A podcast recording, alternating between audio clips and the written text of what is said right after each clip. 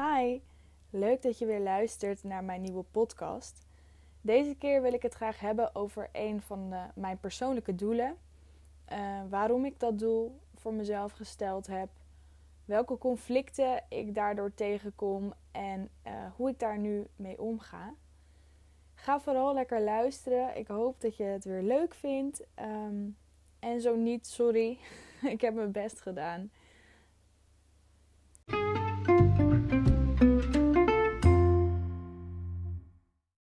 Nu vraag je je vast af over welk doel of wat voor doel ik het wil gaan hebben. En uh, vandaag gaat dat over mijn doel om minimaal een jaar lang geen synthetische medicatie te gebruiken. Eerst vraag je je nu misschien af waarom zou je dat willen en waarom heb je dat doel gesteld. Uh, dat zal ik even uitleggen, of even, het is best een lang verhaal. Ik heb um, in mijn tienerjaren heel veel te, uh, te maken gehad met verschillende soorten ontstekingen. Die ontstekingen zaten bijvoorbeeld in mijn keel, in mijn blaas of ook wel in mijn nierbekken. En um, daar ben ik gewoon best wel vaak heel uh, flink ziek van geweest en heb ik me heel vaak rot doorgevoeld. En los daarvan nog heeft het er ook toe geleid natuurlijk dat ik uh, me vaak ziek moest melden van school van werk. Uh, en vaak ook voor leuke dingen niet mee kon omdat ik ziek was. Dat wil je natuurlijk niet. En zeker niet als je tiener bent en juist volop wilt doen en ervaren en wil genieten van het leven. En wat nog vervelender was, was dat uh, de oplossing van een ontsteking is een, een antibiotica-kuur.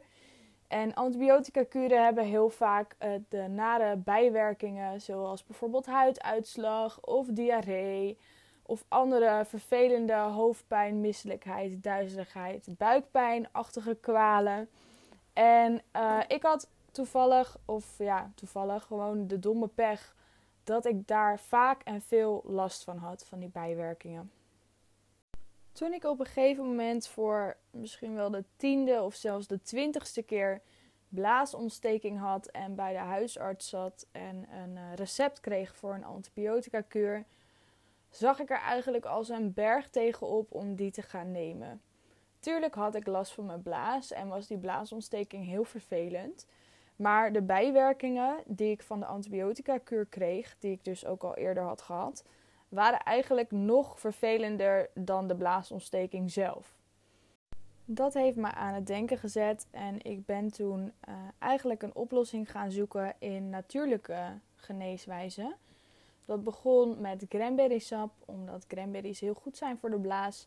En later heb ik ook bij de natuurwinkel, bij de natuurdrogist, heb ik capsules gekocht met gevriesdroogde cranberry erin. En dat is dus heel geconcentreerd. En inderdaad, de blaasontsteking verdween. Later ben ik voor uh, een oplossing van mijn keelontstekingen, die ook nog steeds terug bleven komen, ben ik naar de homeopaat gegaan. Een homeopathisch arts. Ik heb daarover verteld in een van mijn posts op Instagram over homeopathie en alternatieve geneeswijzen. Um, ik heb toen uiteindelijk een uh, middel van hem gekregen dat mij van die keelontstekingen heeft afgeholpen. En toen was eigenlijk mijn overtuiging voor alternatieve geneeswijzen um, was eigenlijk wel geboren. En ik uh, was er wel van overtuigd vanaf dat moment dat er ook andere oplossingen zijn dan uh, een middel wat je bij de apotheek haalt om van je kwalen af te komen. Waar ik volgens mij nog niet eerder over heb gesproken op mijn profiel, niet op Instagram en ook niet in mijn podcast, is dat mijn vader ernstig ziek is. Dat is hij uh, al, uh, nou, al zeker wel een jaar of zeven, acht. Hij is uh, nierpatiënt en inmiddels ook dialysepatiënt. Dus zijn eigen nieren functioneren helemaal niet meer. Hij staat ook op de lijst voor een eh, donornier bovenaan op de lijst. Dus wij hopen elke dag op, op een telefoontje dat er een nieuwe nier voor hem beschikbaar is. Dat is iets waar ik verder nu niet te veel over wil uitweiden. Maar wat dit te maken heeft met het uh, doel wat ik mezelf heb gesteld, is dat ik mijn vader zag. En die was natuurlijk echt behoorlijk ziek. Dus die had echt wel medicatie nodig. Um, die ook synthetisch is. Hij, hij had het niet overleefd zonder die medicatie. Dus ik ben er absoluut ook niet op tegen. Maar wat ik wel ook bij hem opnieuw weer zag, was dat bij elk middel wat hij kreeg voorgeschreven, en dat waren er echt, dat zijn er nog steeds, echt behoorlijk veel, dat bij elk middel ook weer um, één of meerdere bijwerkingen hoorden die eigenlijk minstens net zo vervelend zijn. En um, dat was opnieuw iets waardoor ik bij mezelf dacht van oké, als het kan, als je dit kan, als je iets hebt, als je last van iets hebt wat je kan oplossen met een natuurlijk middel, dan moet dat altijd de voorkeur krijgen boven synthetische of semi-synthetische medicatie. Mijn overtuiging was er dus al zeker. Alleen uh, dit heb ik echt tot een doel gesteld afgelopen 31 december. Dus 31 december 2020. Toen heb ik tegen mezelf gezegd: ik ga minimaal een jaar lang geen synthetische uh, medicatie gebruiken. Met natuurlijk als voetnoot wel dat stel ik zou in een uh, levensbedreigende situatie komen of ik zou ineens ernstig ziek worden. Tuurlijk zou ik dan afstand nemen van het doel. Maar waar ik van af wilde is op het moment dat je hoofdpijn hebt of last hebt van je buik um, of ergens anders last van hebt, dat je dan meteen naar het medicijnkastje loopt en een paracetamol neemt of meteen. Maar dat je daar uiteindelijk eindigt en dat je dus uh, weer zo'n pilletje uit een strip drukt. En um, eigenlijk weer troep in je lijf stopt, wat misschien helemaal niet nodig is. En ook eenvoudig op een andere manier op te lossen is. Wat misschien ook wel interessant is om te bespreken, is wat nou eigenlijk semi-synthetische en synthetische medicatie is. Semi-synthetische medicatie, dat is medicatie die is voortgebaseerd op een werkende stof uit een uh, natuurlijke, van natuurlijke oorsprong, dus uit een plant bijvoorbeeld. Die werkzame stof die hebben ze daaruit gehaald en daar zijn synthetische stoffen bijgestopt om uh, de werking te verbeteren of te versterken. En dat uh, is dus een combinatie van een natuurlijk middel en een synthetisch middel.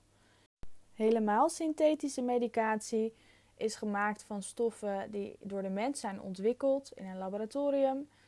Um, deze zijn vaak wel weer geïnspireerd op werkzame stoffen uit uh, van natuurlijke oorsprong, dus bijvoorbeeld uit planten.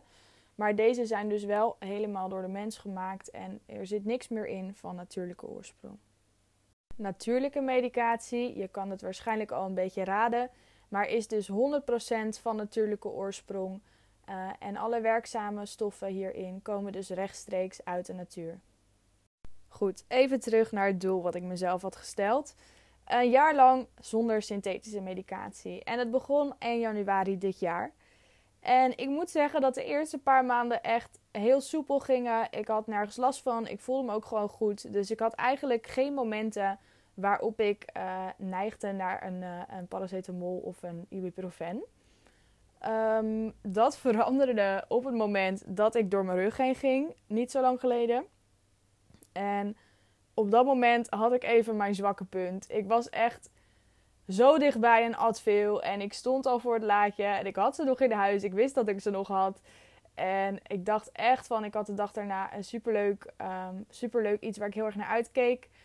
Dus ik dacht, oh, ga ik het nu doen of ga ik het niet doen? Ik zat echt in dubio met mezelf. En uiteindelijk heb ik het dus niet gedaan. Omdat ik zo vastberaden was om mijn doel te behalen.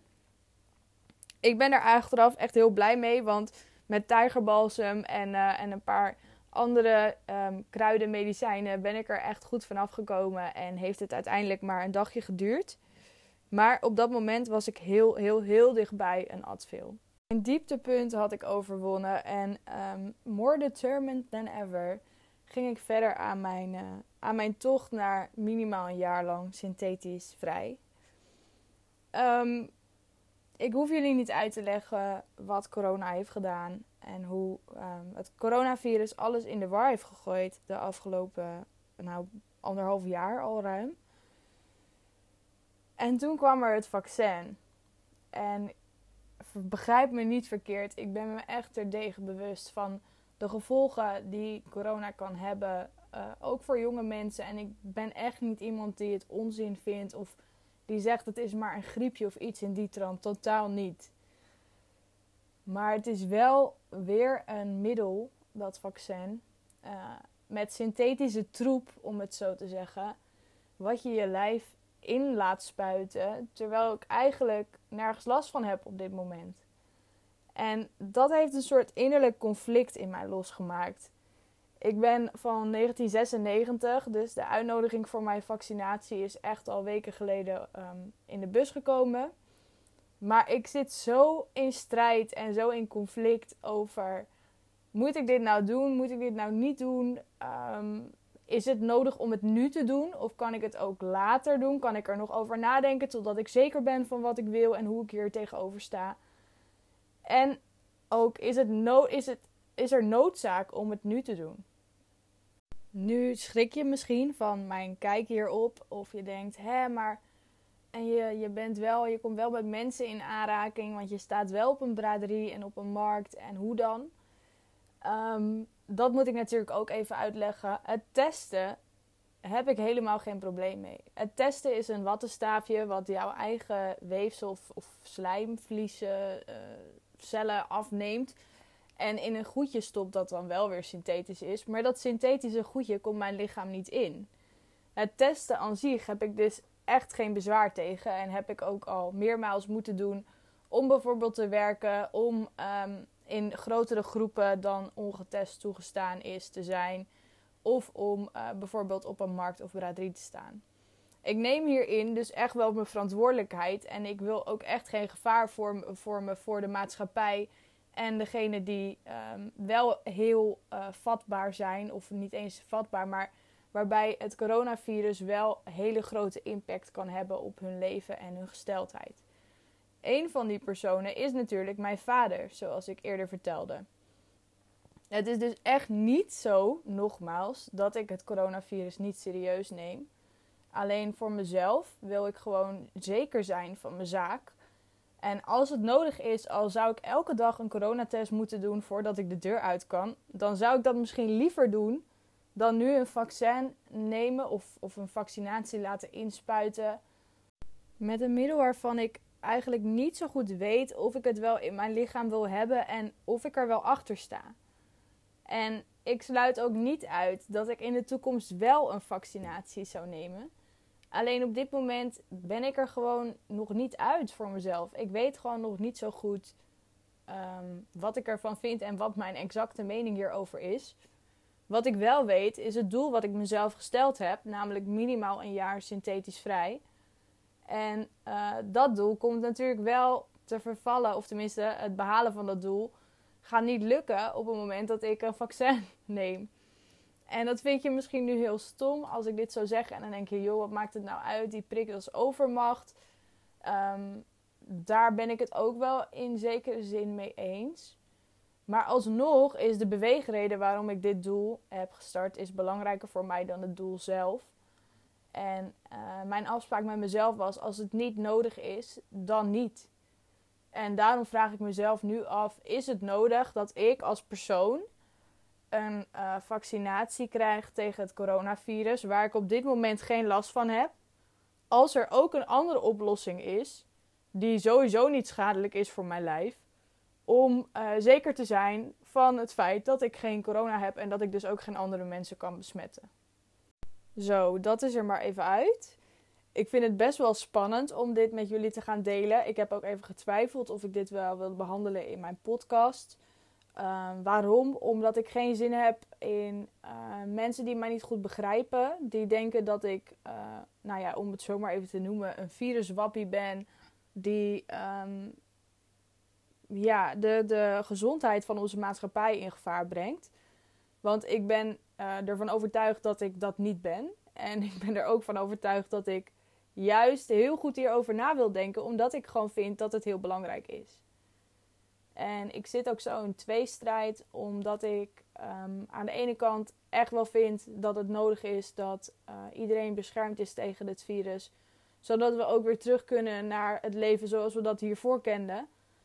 Alleen aan de andere kant, um, wat ik dus net noemde, als het niet hoeft, dan niet. Als het niet nodig is, dan niet.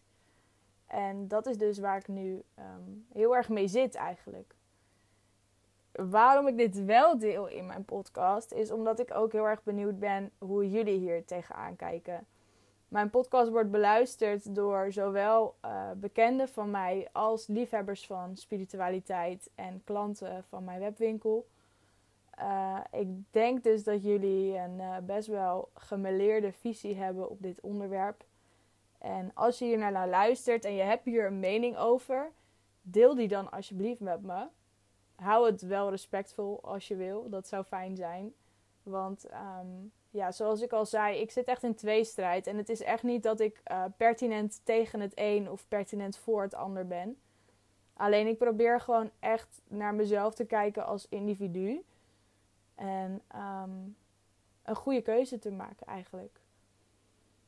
Ik denk dat dat het wel was. Ik denk dat ik zo wel helder ben over mijn doel, mijn, mijn conflicten en hoe ik hiermee probeer om te gaan. Want dat is het eigenlijk. En ik ben heel benieuwd naar jullie mening over dit onderwerp sowieso. Welke afweging heb jij gemaakt om je wel of niet te laten vaccineren tot nu toe? Twijfel je ook nog steeds zoals ik? Want tot nu toe ben ik de enige die twijfelt, maar er zijn vast meer mensen met hetzelfde probleem. En um, ja, laat het me weten en uh, misschien kunnen we er een gezonde en respectvolle discussie over starten. Heel erg bedankt voor het luisteren. Ik hoop dat ik je heb vermaakt um, met mijn, met mijn hoer. en um, tot gauw weer. Veel liefs.